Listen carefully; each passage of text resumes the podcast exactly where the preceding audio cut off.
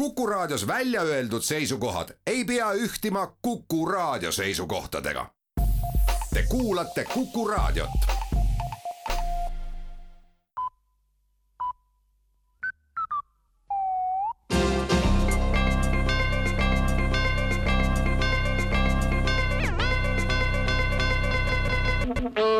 tere kuulama uudiseid stuudios Rohke Debelak.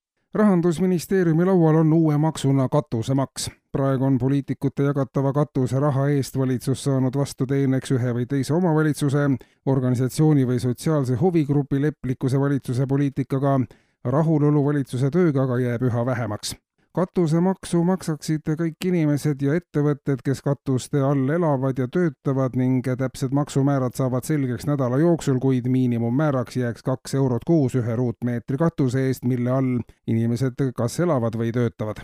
Kes katusemaksu maksta ei jõua, saab kolida kuuse alla ja nii maksukoormust minimeerida kuigi ka kuuske võib katusena tõlgendada. kaalumisel on ka koosmeelemaks, mis tagaks poliitikutele piisava maksevoo ja annaks vastukaaluks riigi elanikkonnale pidevalt nii üksteisega kui ka valitsusega üksmeelselt tegutseva riigi veel on aga valitsus vaadanud üle palgatasemed ja nende iseloomustamise metoodikad. miinimumpalk on riigis seadusega kindlaks määratud, keskmine palk kujuneb statistiliselt ja kõrge palga kohta on ka mõõdikud olemas seni on olnud määratlemata aga orjapalk ja selle suurus. esialgu on ettepanek, et orjapalk võiks olla vähemalt tuhat kakssada eurot kuus kätte.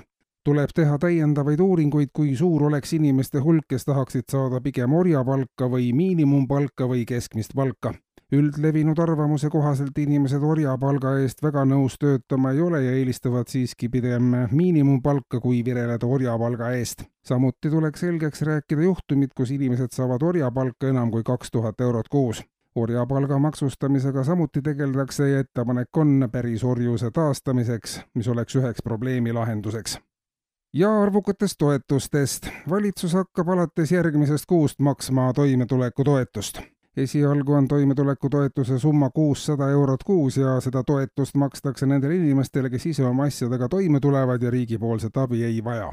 valitsuse seisukoht on, et toimetulekutoetuse maksmisega propageeritakse toimetulemist kui sellist ja mitte soovi pelgalt riigi kulul hakkama saada toimetulekutoetuse saamiseks on vaja Sotsiaalametile saata taotlus, kus märgitakse, et inimene tuleb iseendaga vabalt toime ja mingit toetust tal vaja ei ole ja toetus makstakse kolme päeva jooksul välja kui inimene aga enam toime ei tule, peab ta sellest koheselt Sotsiaalametile teada andma ja toetuse maksmine lõpetatakse.